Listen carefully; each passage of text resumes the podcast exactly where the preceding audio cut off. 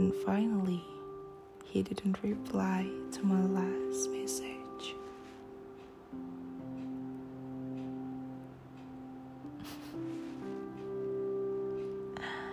and I didn't send it again.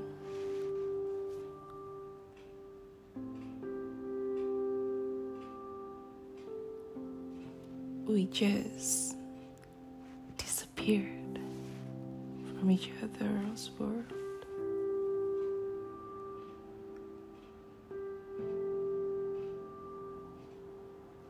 I used to want to find an answer, but now I realize there is no need for me to ask.